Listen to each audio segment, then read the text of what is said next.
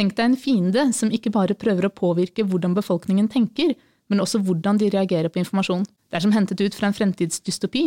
Men hva er egentlig kognitiv krigføring? Ugradert kort forklart. En podkast fra Forsvarets forskningsinstitutt. Velkommen til Ugradert kort forklart, en podkast der vi forklarer et begrep eller tema på maks åtte minutter. Mitt navn er Katinka Brattberg, og med meg i studio i dag har jeg forsker Lea Bjørgul. Velkommen hit. Takk for det.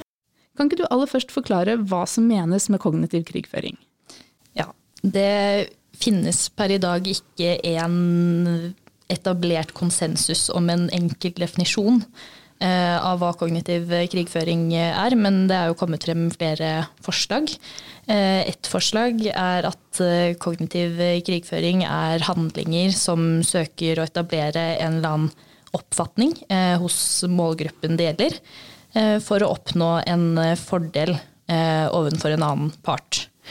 En annen definisjon er at kognitiv krigføring er en strategi eller handlinger som fokuserer på å endre, og da via informasjon, hvordan målgruppen tenker, og følgelig hvordan den handler.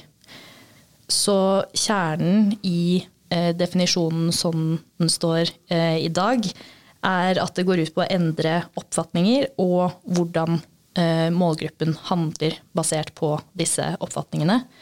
Og at det da målet er for aktøren som utfører eh, disse handlingene, å oppnå en fordel for seg selv. Kan ikke du gi noen eksempler på hvordan dette kan fortone seg i virkeligheten? Ja. Et eh, eksempel som jeg liker å trekke fram, for jeg tror veldig mange kan eh, relatere til det og hørt mye om det, er jo valgpåvirkning. Og det første, mest kjente uh, eksempelet til det, som mange kjenner til, er jo påvirkningsoperasjonen mot USA i 2016 Eh, som ble attribuert til, eh, til, Russland.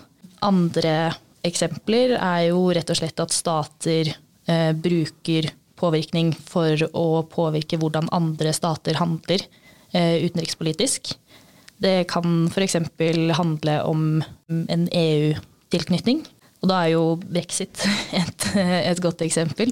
Eh, at man forsøker å skape negative holdninger blant målgruppen til EU. Eh, e da får jo de, de visse oppfatninger, eh, og handler eh, f.eks. på bakgrunn av det ved å stemme nei til EU. Og, og da trekker du frem liksom, påvirkningsoperasjoner. Mm. Men er det riktig forstått at påvirkningsoperasjoner er en del av kognitiv krigføring, men at kognitiv ja. krigføring også kan være noe mer enn bare påvirkningsoperasjoner? Ja, det kan du vel si. Men enn så lenge så er det, er det påvirkningsoperasjoner som på en måte er, er kjernen i kognitiv eh, krigføring. Um, men kognitiv krigføring trekker jo på eh, strategier fra cyber eh, også, f.eks. Eh, så det er en, en slags blanding av strategier som vi kjenner godt til fra før, men som får en mye større og mer alvorlig effekt da, enn det vi har vært vitne til tidligere. Du er jo forsker her ved FFI og jobber til daglig med forskning på kognitiv krigføring. Mm. Hvilke problemstillinger er det som er særlig aktuelle å se på? Mm. Det er jo først og fremst påvirkningsoperasjoner vi forsker på eh, enn så lenge innenfor kognitiv eh, krigføring. Dette er jo et tema som vi kommer til å gjøre mye mer på eh, de neste årene. Men innenfor, eh, innenfor påvirkningsoperasjon-delen eh, av det, eh, så ser vi på ja, mange forskjellige nivåer av det. Både helt ned på det minste nivået, altså hvordan, hvordan spres desinformasjon på internett. Hvilke metoder brukes, hva slags effekter kan dette ha. Og så ser vi også på f.eks hva slags uh, Hva kan man gjøre for å bli mer robust uh, mot uh, påvirkning? Vi har bl.a. gjort et, et eksperiment der vi har testet ut hva slags type eh, informasjon eh, mennesker kan få eh, i forkant da, av eksperimentet for å ja, bli påvirket mindre. Og da har vi sett på f.eks. om det er muntlig informasjon som fungerer best, skriftlig informasjon, eller om man kan spille eh, et slags spill for å lære litt mer om hvordan eh, påvirkning fungerer. Um, og da ser vi jo bl.a. at det er muntlig informasjon som fungerer best. Og I det eksperimentet så brukte vi et eh, verktøy som er utviklet her på FFI i min eh, forskningsgruppe, som er en eh, ja, det er en slags klone av, av sosiale medier. Så vi har en Twitter-klone og en Facebook-klone og en Instagram-klone. Der vi rett og slett kan øve på påvirkning og se hvordan det fungerer, og hva, hva som kan gjøre oss mer, mer robust mot påvirkning. Så det er mye forskjellig spennende som foregår, og så vil kognitiv krigføring bli et stort fokus fremover for oss. Og kognitiv krigføring er jo da også et stort fokus ikke bare i Norge, men internasjonalt, og også i Nato, som jo er um, særlig viktig for Norge.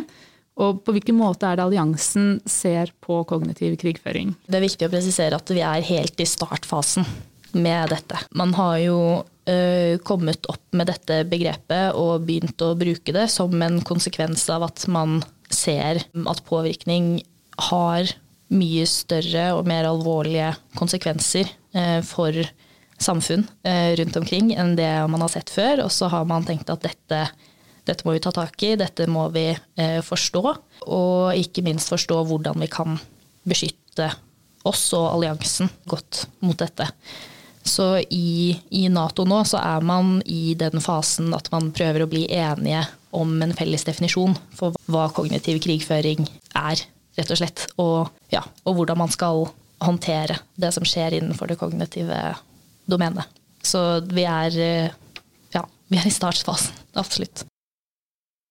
Og hvordan kan vi som vanlige mennesker, eller som samfunn for øvrig, liksom beskytte oss? Ja, Som jeg nevnte, så ser vi jo da at uh, kunnskap om hvordan påvirkning fungerer, er uh, viktig og har, har, en god effekt. Og så er det jo det litt kjedelige svaret som alle gir, at uh, det å være kritisk og god kildekritikk, det er viktig. Så det, det må man fortsette med. Og så tenker jeg at det er viktig å ha en god eh, dialog med de rundt deg om hva man ja, ser eh, på internett og i sosiale medier. I USA så ser vi jo at det har blitt vanskelig eh, for mange å ha en konstruktiv dialog om hva som er sant og usant. Så å bidra som enkeltperson til at dette blir ja, fortsatt lett og, og greit å snakke om, tror jeg er viktig. Og så er det jo ja, å stole på myndighetene. Man ser jo at eh, høyere, høyere, tillit i et samfunn er noe som gjør et samfunn mer robust mot påvirkning. Det var det vi rakk i dag. Så tusen takk til deg, Lea, for at du hadde tid til å komme og forklare dette for oss. Og hvis du som lytter vil ha enda mer informasjon om dette temaet, så finner du det på FFI.no.